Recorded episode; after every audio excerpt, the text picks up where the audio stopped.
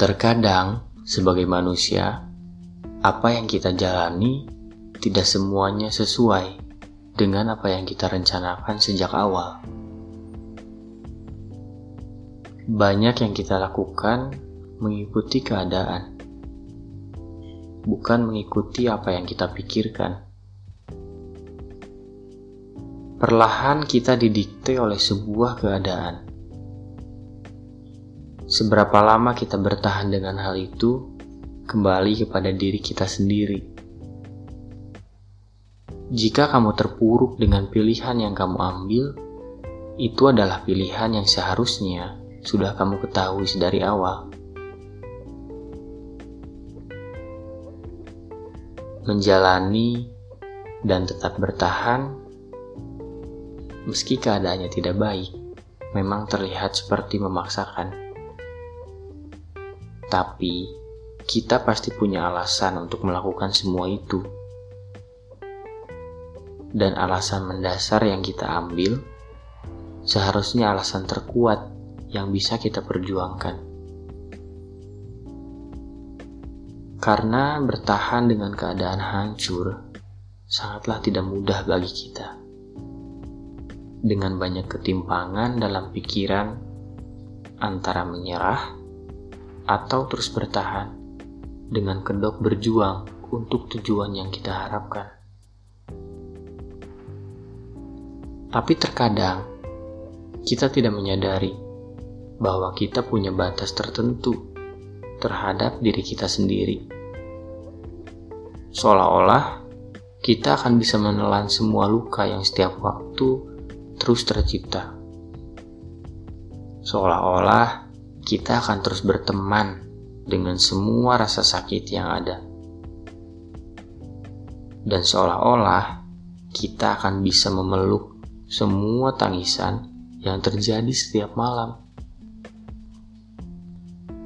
Perasaan yang kamu tampung pada akhirnya akan meluap ke permukaan dan melebar ke tempat lain.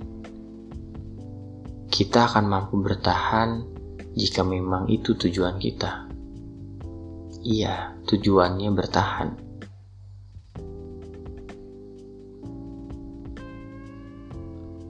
Tapi sadarilah bahwa kita tidak akan terus bertahan.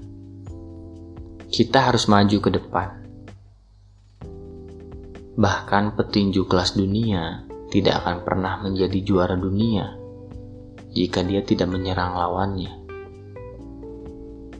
atau mungkin tim sepak bola tidak akan pernah mencetak gol jika mereka hanya bertahan sepanjang pertandingan.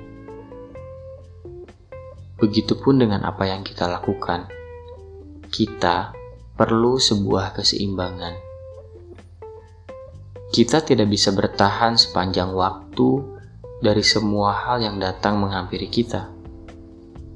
Kita harus maju, harus bisa memilih tapi ingat, bertahan dalam semua kondisi yang menyakitkan bukan pilihan untuk lebih baik.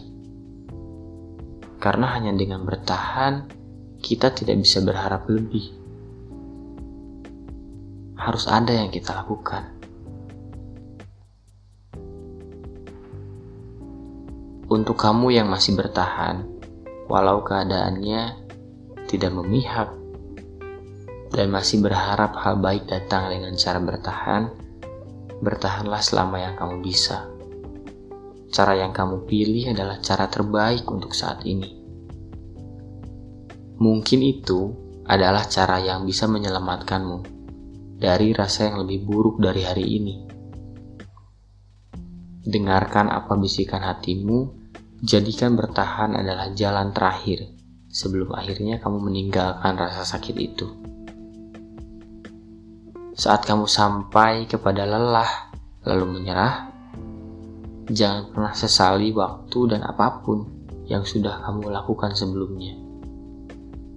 Gak apa-apa, jika bertahan tidak menghasilkan apa pun, kamu berhak untuk melakukan apa pun setelah itu. Pergi dan menjalani hal baru pasti butuh waktu yang sangat panjang Tapi bertahan dengan semua rasa kecewa dan ketidakpastian memerlukan waktu yang panjang juga.